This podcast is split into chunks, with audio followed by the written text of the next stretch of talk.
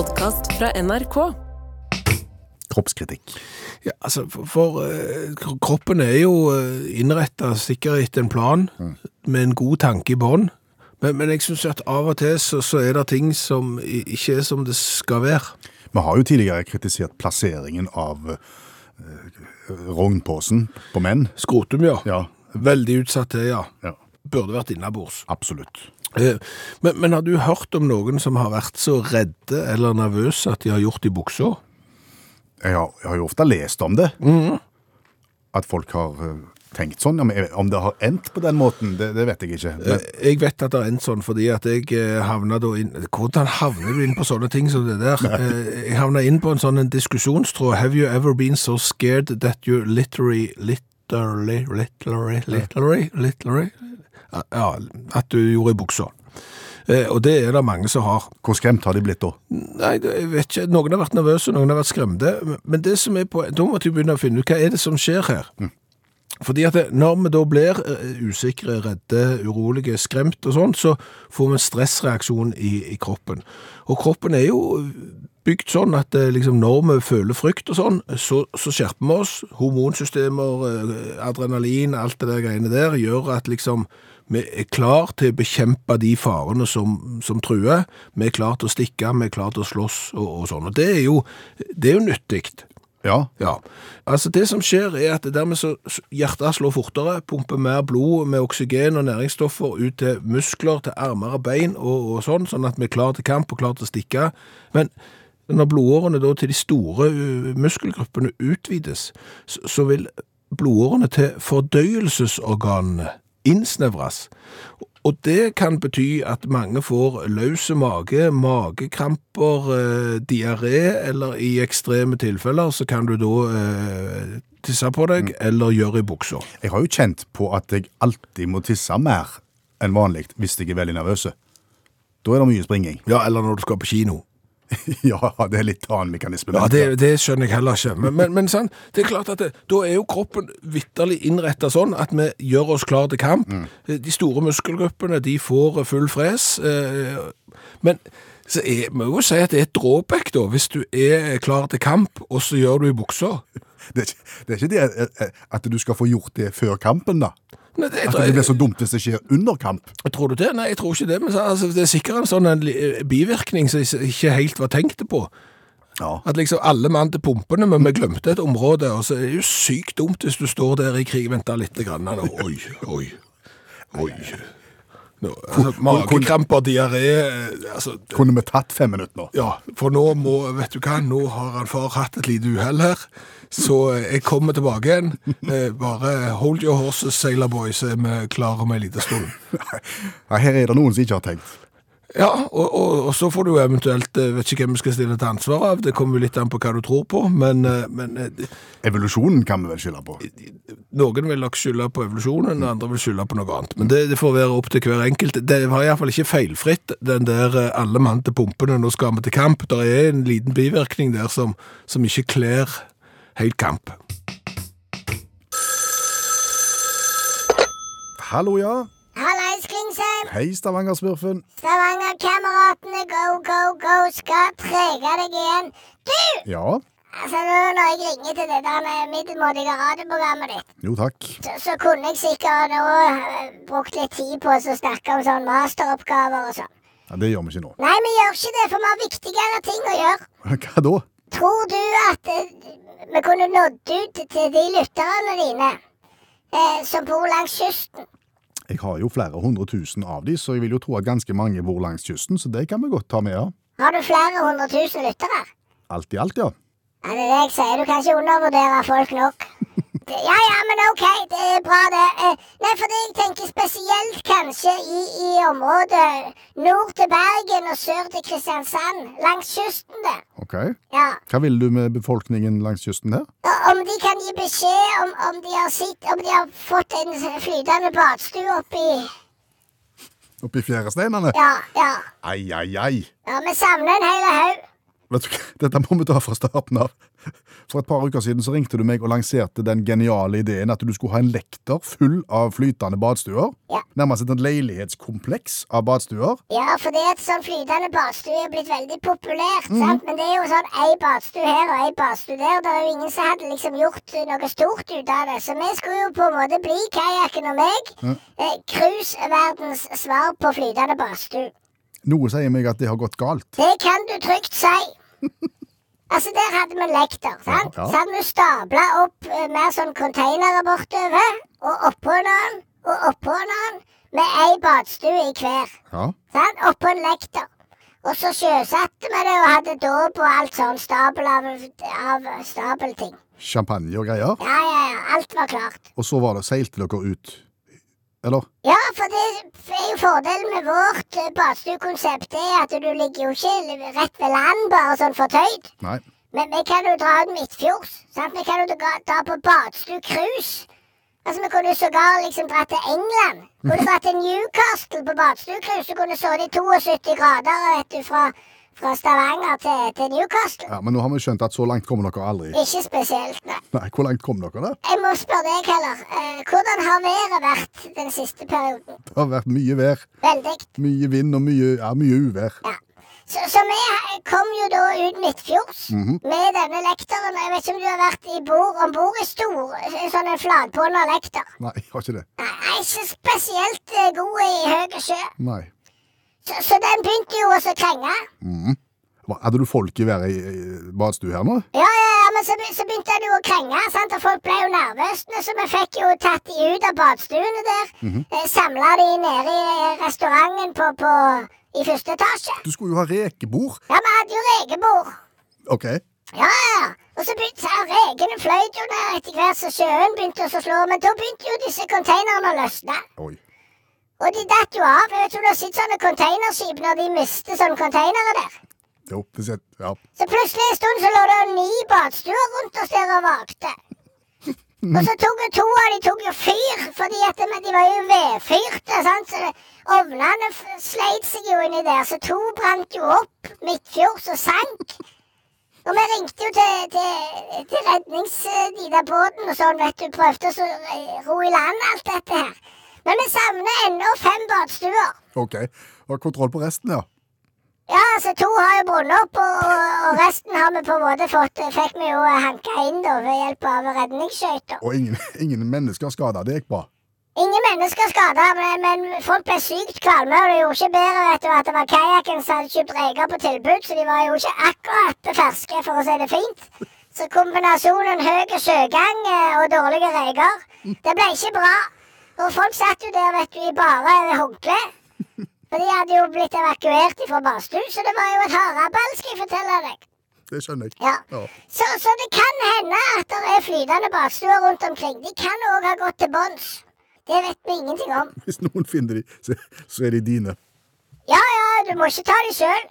Du kan ikke være sånn vrakplyndrer, sånn som de var i gamle dager. nei greit det. Nei, nei, den badstua tilhører kajakken og meg.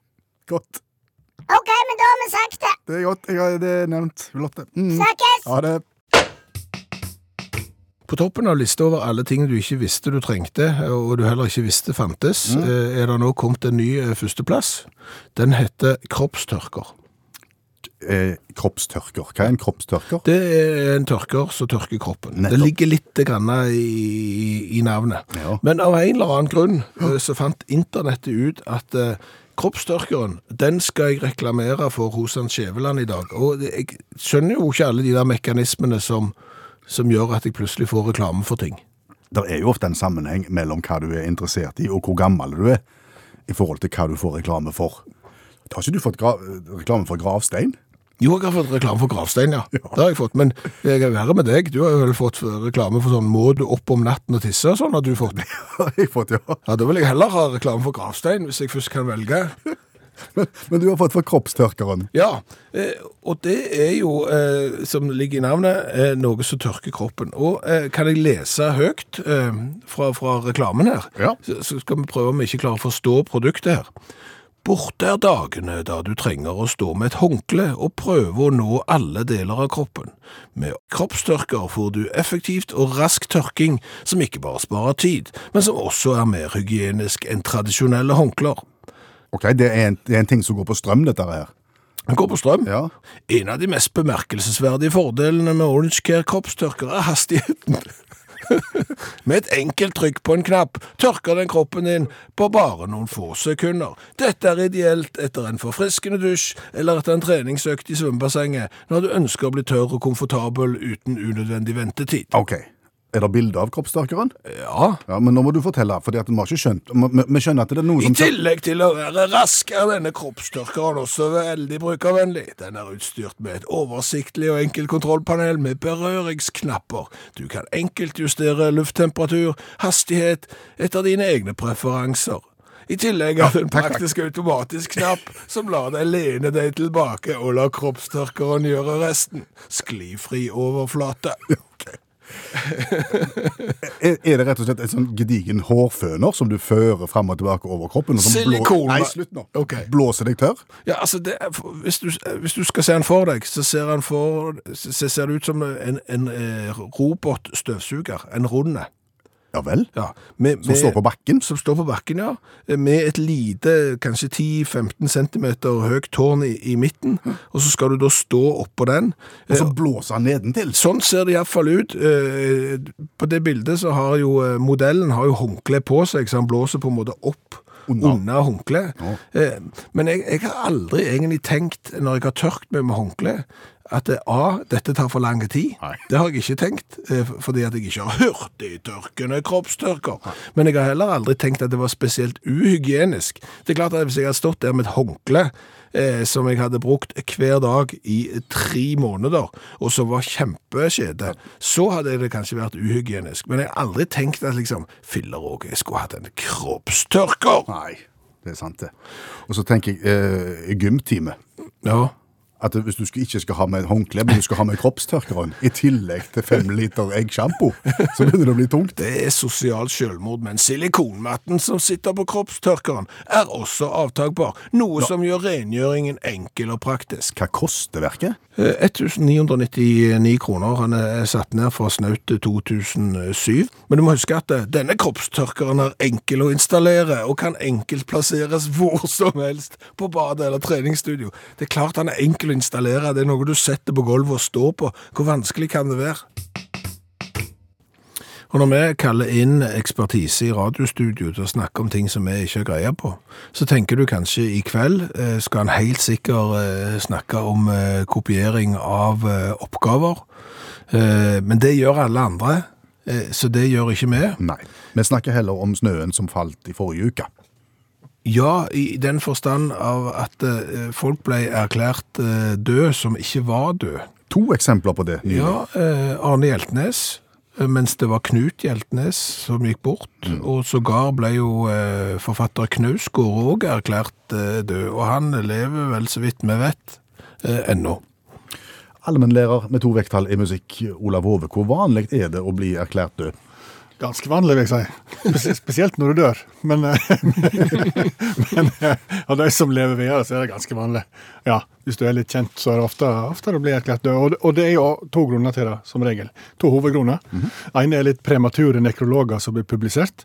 Det har vel alle mediehus gjort seg skyldig i. Ja, fordi at de har jo eh, nekrologer liggende klar. Altså Hvis du har passert 100 år og er kjendis, så ja. tenker de den her kommer til å få bruk for, så det er bare å få gjort den klar. Ja, og det har egentlig alle gjort seg skyldige i, tror jeg. opp igjennom. Men det er jo noen, eh, det er jo noen eh, verstinger der òg, eller noen eh, ledestjerner.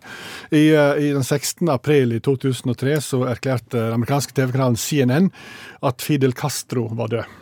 Jaha. Det var òg tidligere visepresident Dick Cheney, Nelson Mandela, Bob Hope, Gerald Ford, pave Johannes Paul 2. og Ronald Reagan. I samme drever eh, ble det publisert nekrologer på hele gjengen. Eh, Og alle levde, om ikke i beste velgående, så levde de iallfall. Ja da, en del tok kvelden allerede samme år, men det fortsatt var jo en voldsom opphopning i dødning. Eh, og, og, og det som ikke nok med det, da. Eh, problemet var at alle nekrologene var ganske pussige òg, for alle var egentlig basert på den tidligere nekrologen til den britiske dronningmora. Altså Journalisten hadde tatt den økologen, limt den inn, og så hadde han skrevet det litt om, men alle var basert på den. Litt sånn som en gjør med masteroppgaver i våre dager. Ja, det er nettopp det. Litt det samme. Men det mye, dette var mye kjekkere, for det sto blant annet Dick Cheney. Han ble kalt for hele Storbritannias favorittbestemor. Pave Johannes Paul var berømt for sin fascinasjon for racerbiler. Og Nelson Mandela passet alltid på å hilse på spillerne før cupfinalen på Wembley.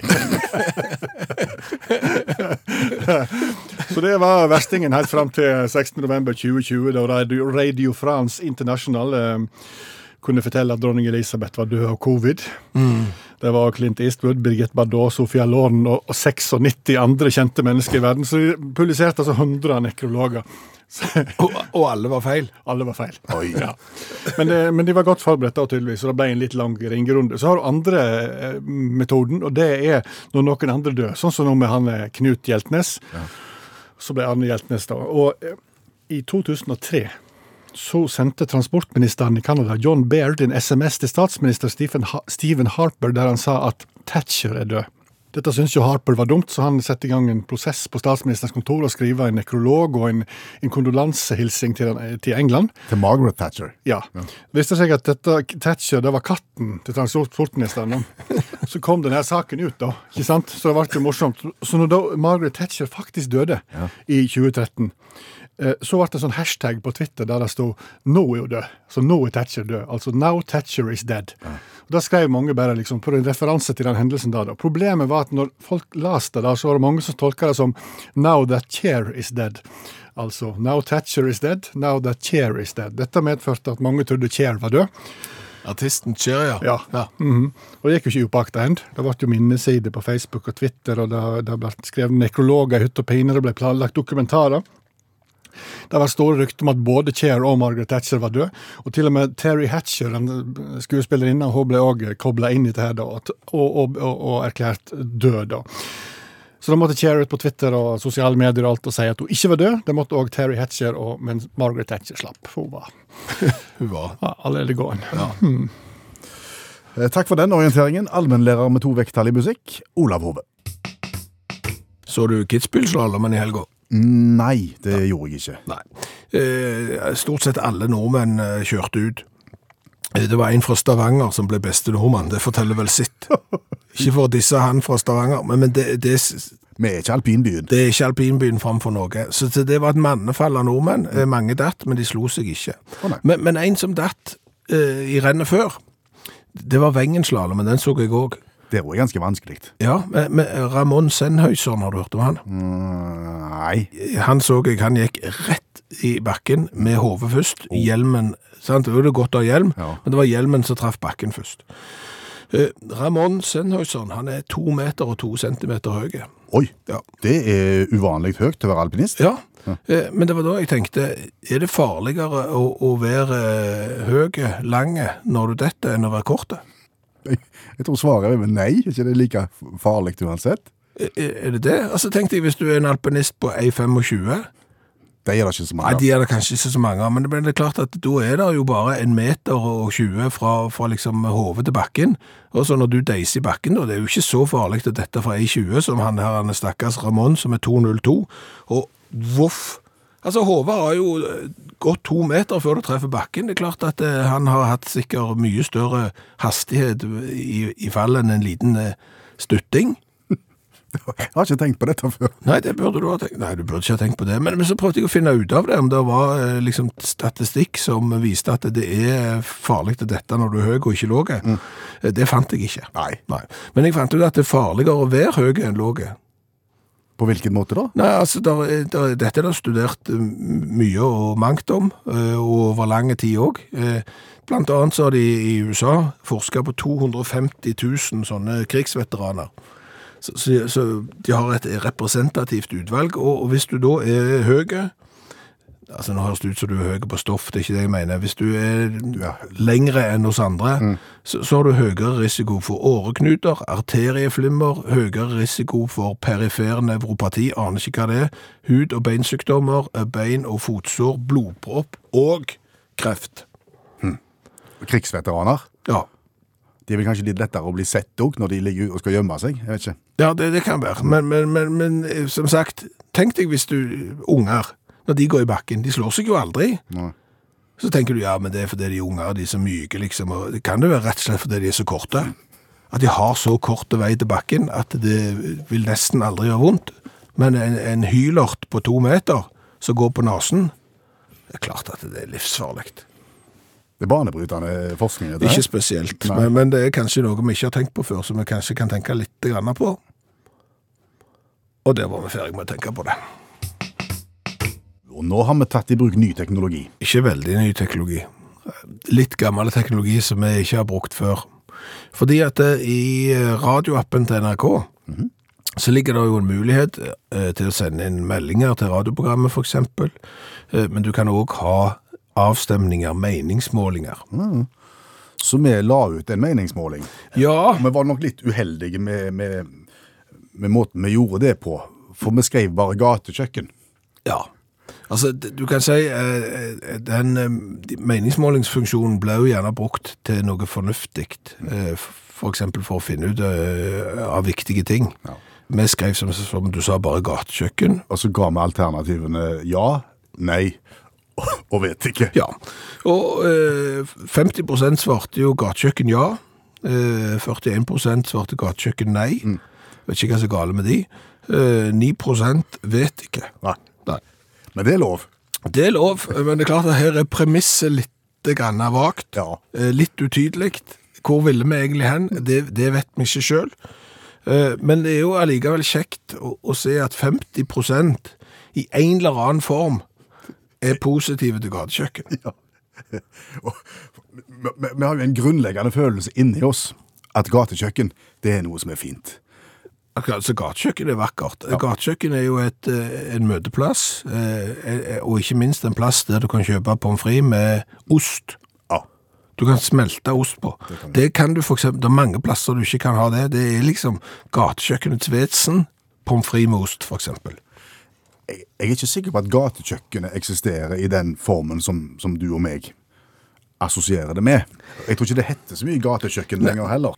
Det er, altså Gatekjøkken har egentlig bare skifta navn, men er egentlig kamuflerte gatekjøkken. Det bare kaller seg noe annet. Jeg tror f.eks. kebabsjappene Ja. kunne fint ha vært gatekjøkken i, i vår tid. Du, altså rullekebab og pommes frites med ost, for eksempel, seint på en lørdagskveld, to timer etter at du burde vært i seng for lenge siden, det. er jo litt den samme mekanismen som gatekjøkkenet kunne by på.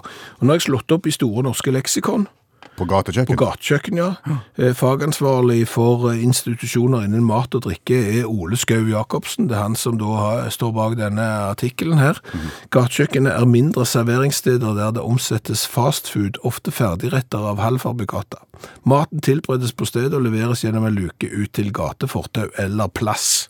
Det var mulig å sitte på gatekjøkkenet òg. Ja, det, det, det, ja, eller inn til et enkelt innredet oppholdsrom for gjester. Og du ser at det er jo veldig mange steder nå som ut ifra denne beskrivelsen kunne vært gatekjøkken, men velger å kalle seg noe annet. For er det ikke flott nok? Nei, det kan, er det ikke flott nok? Jeg tror nok ikke det er det. Det høres ikke så svunget ut. Nei, men da har jo vi gjennom vår grundige journalistikk eh, vist at halvparten av Norges befolkning, 50% er positive til, til gatekjøkken. Og det er klart at hvis du skal selge et produkt, og vet at 50% av folket er positive til det, da vil jeg kalle ting for gatekjøkken igjen. Ja, vel jeg òg. Og de som 9% som bare vet ikke, de tror jeg vet nå. Nå, nå har de hørt om eh, hvor vakkert det kan være, og vips, så fikk de lyst på pommes frites med smelta ost på. Og masse piffi. Eventuelt en Space Hawaii. Nei, det er ikke Hawaii-burger. Ikke, ikke ananas på burger. Du kan ha ananas på mye. Jeg, jeg, kan, jeg kan være jeg kan, jeg kan godt ta ananas på, til og med på pizza, men på burger Du, du husker hvordan den smakte? Det jeg husker det er at han blir veldig, veldig veldig varm fordi at vannet i ananasen Ja. koker, Ja. så du brenner deg jo. Ja. Ellers hadde du de, det var noen, som var litt eh, De var ikke så nøye på hva de gjorde, så de lagde hamburgeren. Og så la de da en ananasring oppå etterpå, og den var jo bokskald. Ja. Så da var det Det var heller ikke godt. Nei, så akkurat Spaceburger Hva var det, Hawaii? Ja, ja det er jo, dette har vi vært innom før, men altså, ha, alt som er Hawaii, Ja. er jo med ananas. Ja. Og det er ikke ananas på Hawaii. Er det ikke det? Nei. Det er helt meningsløst.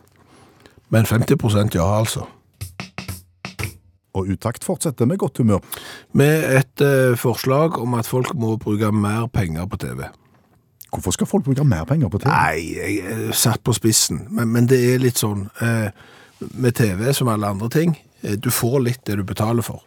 Og så klart, Av og til så syns du at nei, vet du hva, jeg kan ikke bruke 20 000 kroner på TV, eller noen tenker enda mer, kanskje skal ha sånn stor og 77 tommers OLED òg, så jeg OK, 45 000, det er sykt mye penger, det kan jeg jo ikke bruke. Nei. Nei. Men, men det, det kan godt hende du kan likevel. Fordi at det som jo er eh, viktig, det er jo at det, den andre du bor sammen med, har kanskje ikke samme oppfatningen av hvor mye penger som bør eh, brukes på TV. Jeg tror det er veldig vanlig. Ja. Og, og da må du ha litt grann av verktøy i verktøykassen. For å kunne overbevise den andre parten om at en skal bruke mye penger på TV. Ja. okay. Og, og, og det skal du få nå. Det, hva postnummer bor du i Stavanger? Ja, det vet du. Du vet at jeg bor i det postnummeret hvor de aller rikeste i Stavanger bor, Ja. med unntak av meg. Ja, 4009. Stemmer? Kvadratmeterprisen i henhold til et, et oppslagsverk her hos en eiendomsmegler, så er kvadratmeterprisen i, på postnummeret ditt over 50 000 kroner kvadraten. Jeg har sjekket i Oslo. Eh, vanskelig å få det til å stemme, men det er sikkert Oslo sentrum. Det er 89 000 kroner kvadraten. Og så må du tenke deg om. Den siste eh, TV-en du kjøpte som ikke var flat, Ja, den tok mye plass. det gjorde han. Ja. Sto gjerne på TV-benk. Ja. Djupe var han, breie var han, tunge var han. Det samme var eh, TV-benken. Nå har jeg sjekket bitte litt eh, hva, hva, hvor store TV-benker er. De er gjerne 0,72 kvadratmeter. Jeg skjønner ikke hvor du skal hen nå. Skjønner du ikke det? Nei. Nå skal jeg fortelle deg det. TV-en er nå til dags, de klistrer du på veggen. De henger du på veggen. Du trenger ikke ha 0,72 kvadratmeter med TV-benk unna. Å, så du kan kjøpe mindre leilighet og spare kvadratmeterprisen? Du har frigjort areal i den dyre boligen din. Du har frigjort eh, 0,72 kvadratmeter med hybel, med leilighet eller hus, fordi du nå kan kjøpe en flat TV som henger på veggen. Og når kvadratmeterprisen i mitt postnummer er rundt 50 000, Mhm. så kan jeg kjøpe TV til rundt 40 000, for det jeg har spart. Altså, du, du, eh, altså Stavanger eksempel med 43 000 kroner kvadratmeteren, der kan du i hvert fall kjøpe TV til 31 000. Eh, og er du i Oslo med kvadratmeterpris på 89 000 kroner og vel så det, så kan du fint eh, bruke 64 452 kroner på TV. For, for det er jo det du har spart egentlig med å frigjøre 0,72 kvadratmeter. Har du prøvd denne argumentasjonen mot din bedre? handel? Nei, men jeg har prøvd en annen argumentasjon. Og den var? Det, det kan jeg ikke, det, kan, det tåler ikke dagens lys, faktisk. Så, men, men eh, det var første gangen jeg kjøpte 60, det, det var 63 tommer da. Ja. Det, det en, Nå har du, nå. Nei, nei, det, jeg kan ikke si det, det er så flaut. Så det kan jeg ikke si. Men, men det ble TV på veggen? Det ble 60 63 tommer. Ja, egentlig alle fikk viljen sin. Og jeg fikk 63 tommer på veggen. Og da er vi klar for nummer 421. Ja, Cola nummer 421. Den kommer fra Nigeria og heter Biggie Cola. Biggie.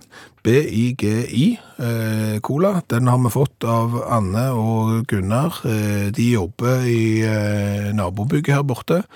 Det som vi før kalte for Oljedirektoratet, men nå har vi slutta å si olje. Så nå heter det Sokkeldirektoratet. Nå heter det Sokkeldirektoratet, ja. ja. For de driver på med noe annet. Det er mye sokkel. Ja, det er det de driver på med. Eh, så skulle jeg prøve å finne ut av denne her denne colaen. Eh, ikke fryktelig lett, for nettsida til produsenten eh, er nede. Uff da. Eh, men Biggie Cola, eh, tidligere, altså også kjent som Mr. Cool. så, så her tror jeg de seiler under mange, de har mange forskjellige faner eh, eh, på denne brusen her. Den gir jo selvfølgelig en refreshing taste like none other, sier de.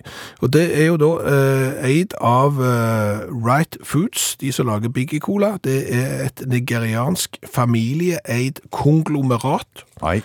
Dette har jeg hentet fra internettet.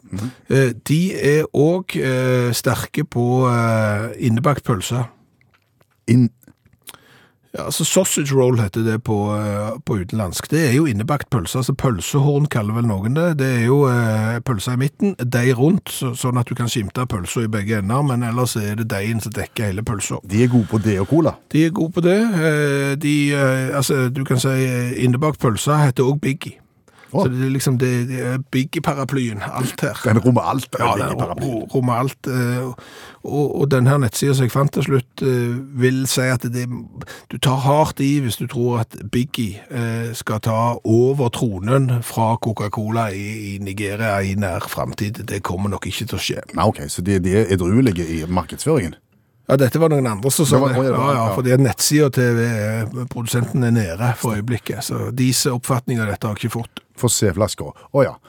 Den ser ut som en, litt, ei lita klassiske colaflaske innsvingt på midten. Plastikk 025. 350 milliliter er faktisk den her. Oi, den så så liten ut. Ja, eh, og så er det rød, rødt magebelte, men eh, for å ikke bruke hvite bokstaver som Coca-Cola bruker, så bruker de blå.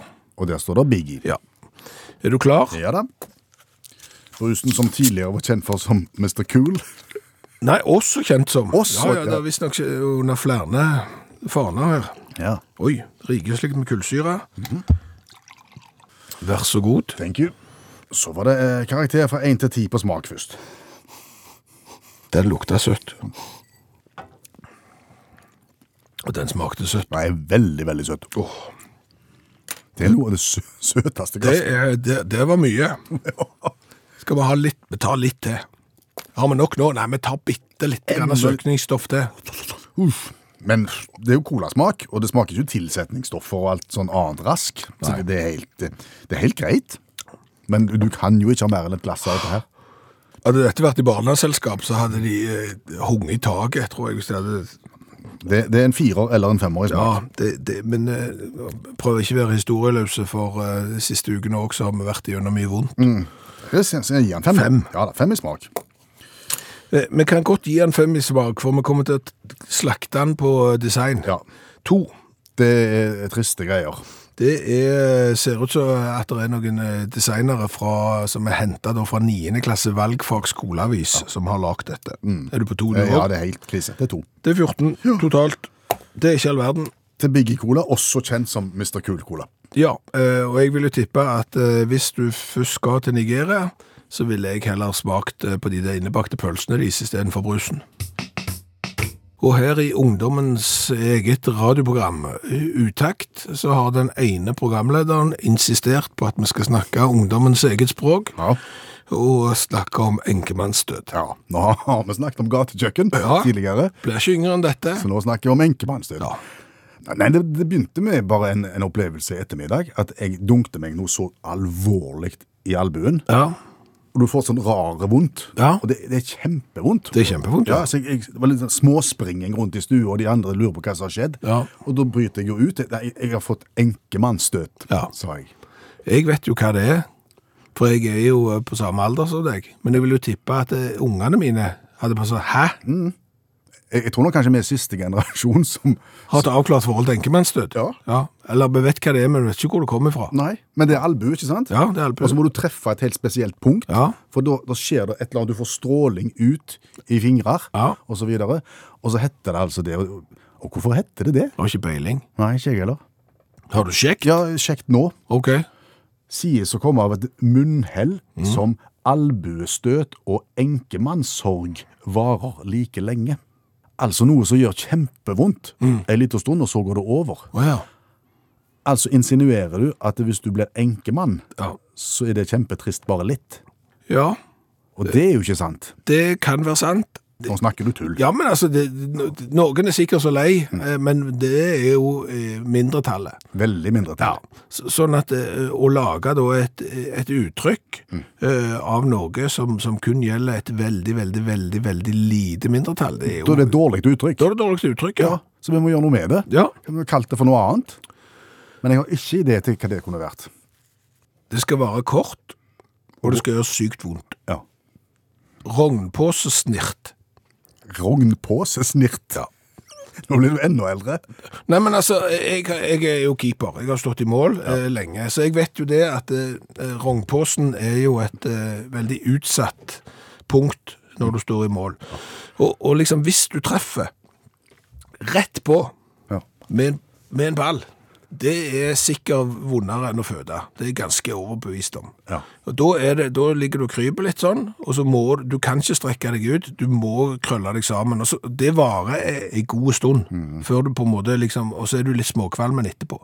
Men eh, hvis du er eh, bare så vidt borti, altså snirte, altså hvis du skyter et skudd Ja. som snirter rognposen, sånn at du får på en måte en sånn en, hva- kan du si at det, Og En liten anelse touch. liten touch helt nederst, Ja. bare en sånn liten snert, så er det, det er vondt, men det går fort over. Ja. Så jeg vet ikke om det kunne vært eh, sånn uh, enkemannsdød-aktig. Rogn på seg. snert. Ja, jeg fikk et sånn rognpåsesnirt eh, her. Vi prøver den. Spørs om det kommer til å feste seg. Jeg vet Det ikke, er litt tungt å si, men bitte litt. Vil du ringe til Språkrådet du, og så foreslå at vi dropper enkemannsdød og går for rognpåsesnirt istedenfor? Hvis ikke du har et bedre forslag, så. ikke på stående fot.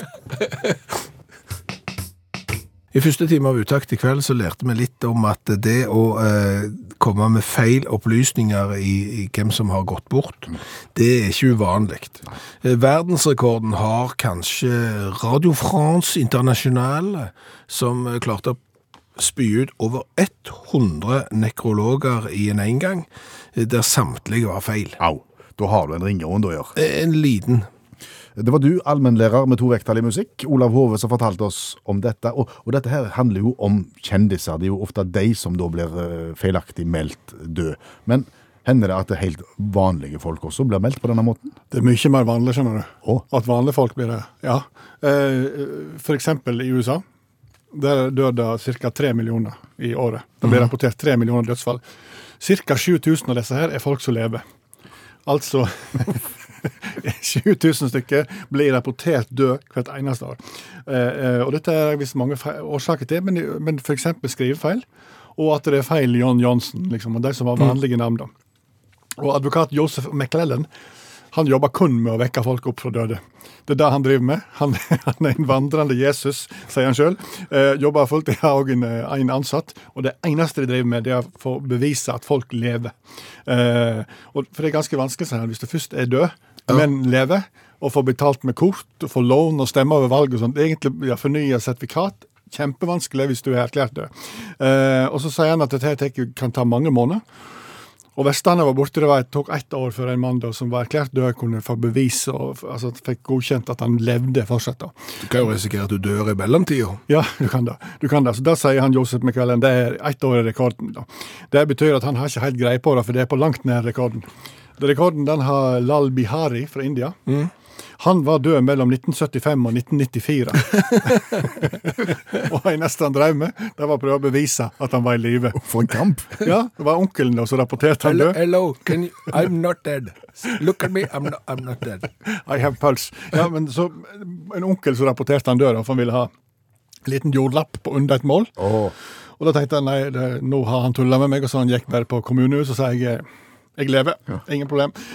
Gikk ikke det, gitt. Så da, da starta han en 20-årskamp der han gjorde mye kjekt. Arrangerte bl.a. egen begravelse og holdt talen sjøl. Så uvanlig.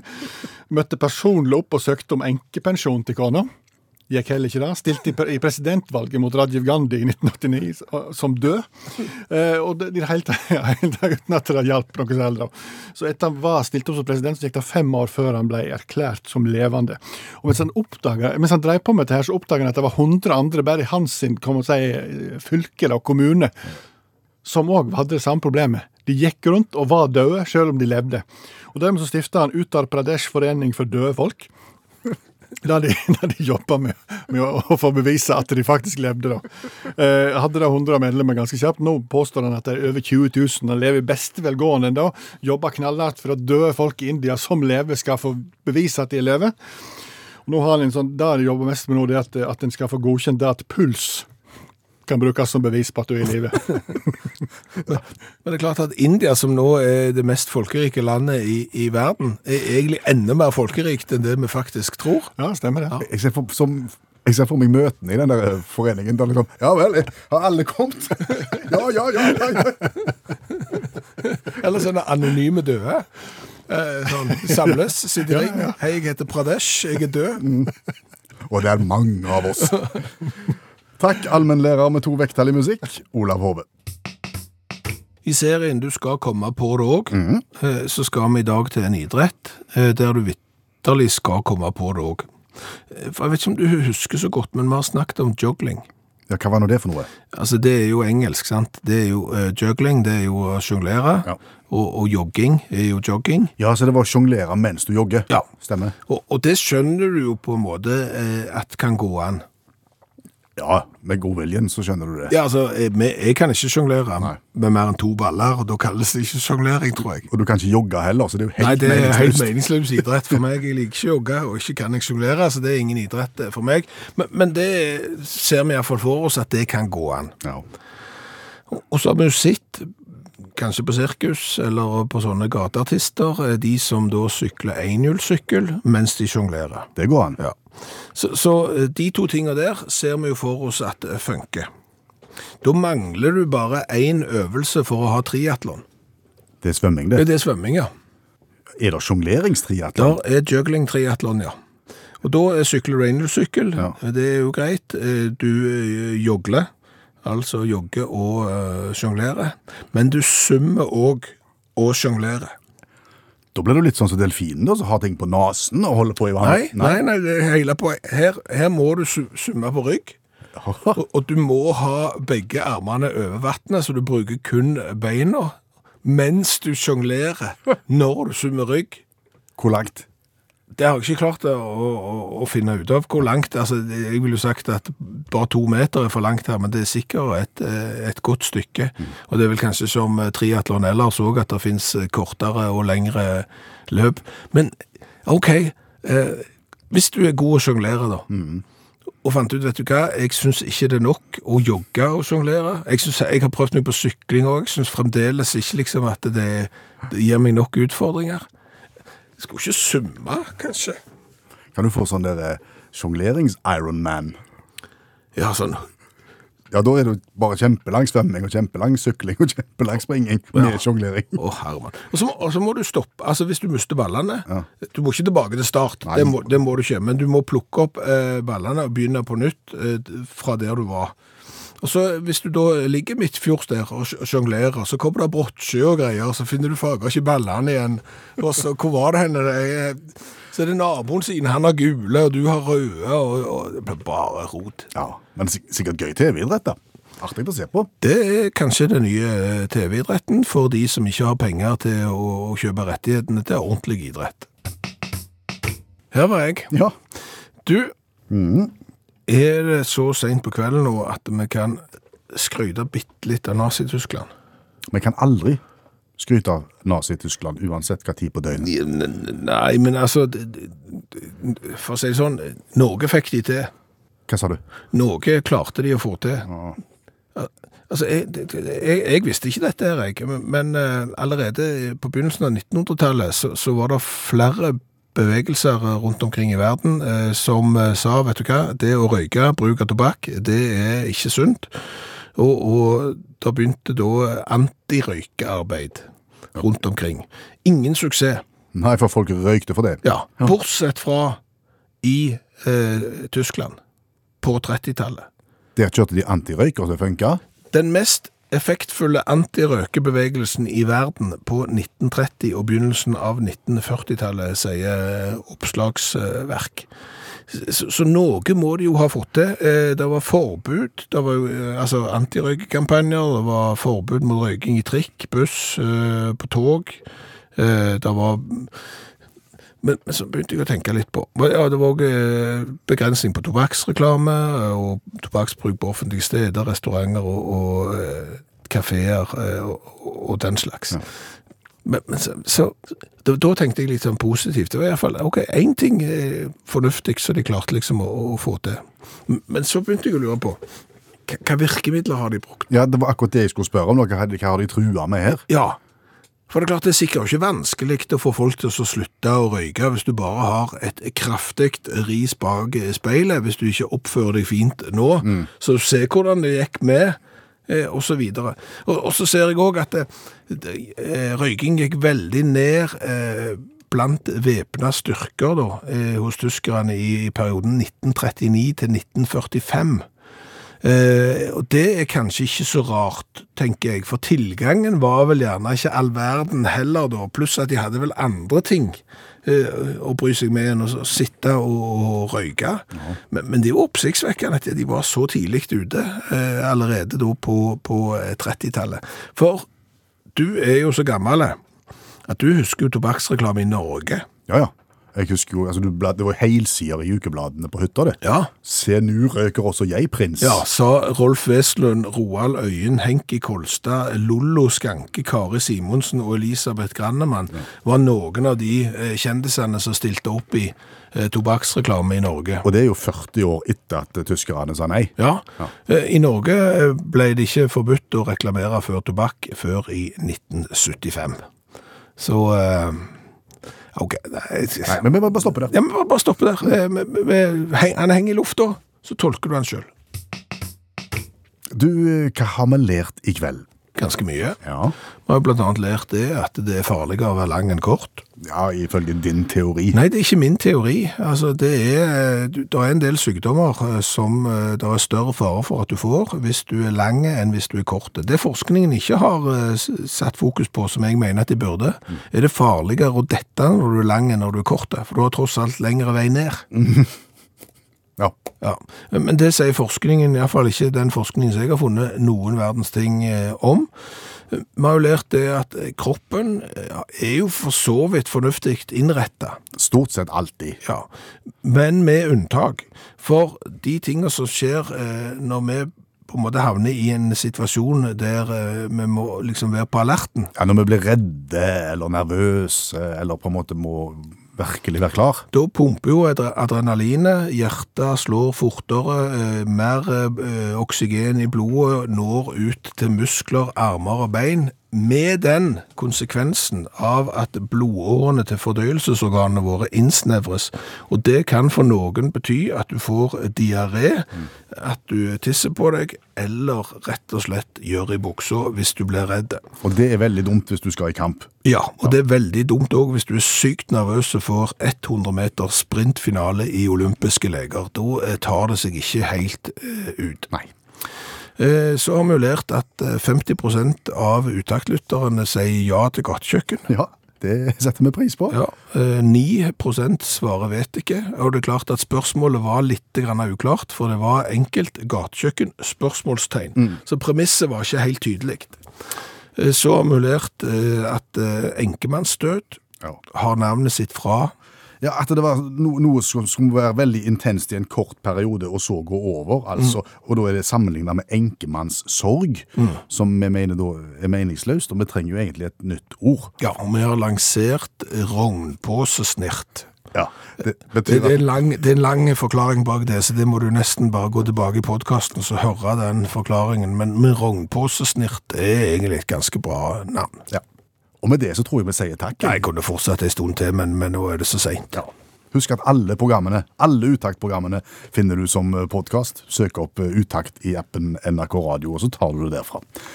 Per Øystein Kvinnesland, Bjørnar Skjævland. takk for laget. Du har hørt en podkast fra NRK. Hør alle episodene kun i appen NRK Radio.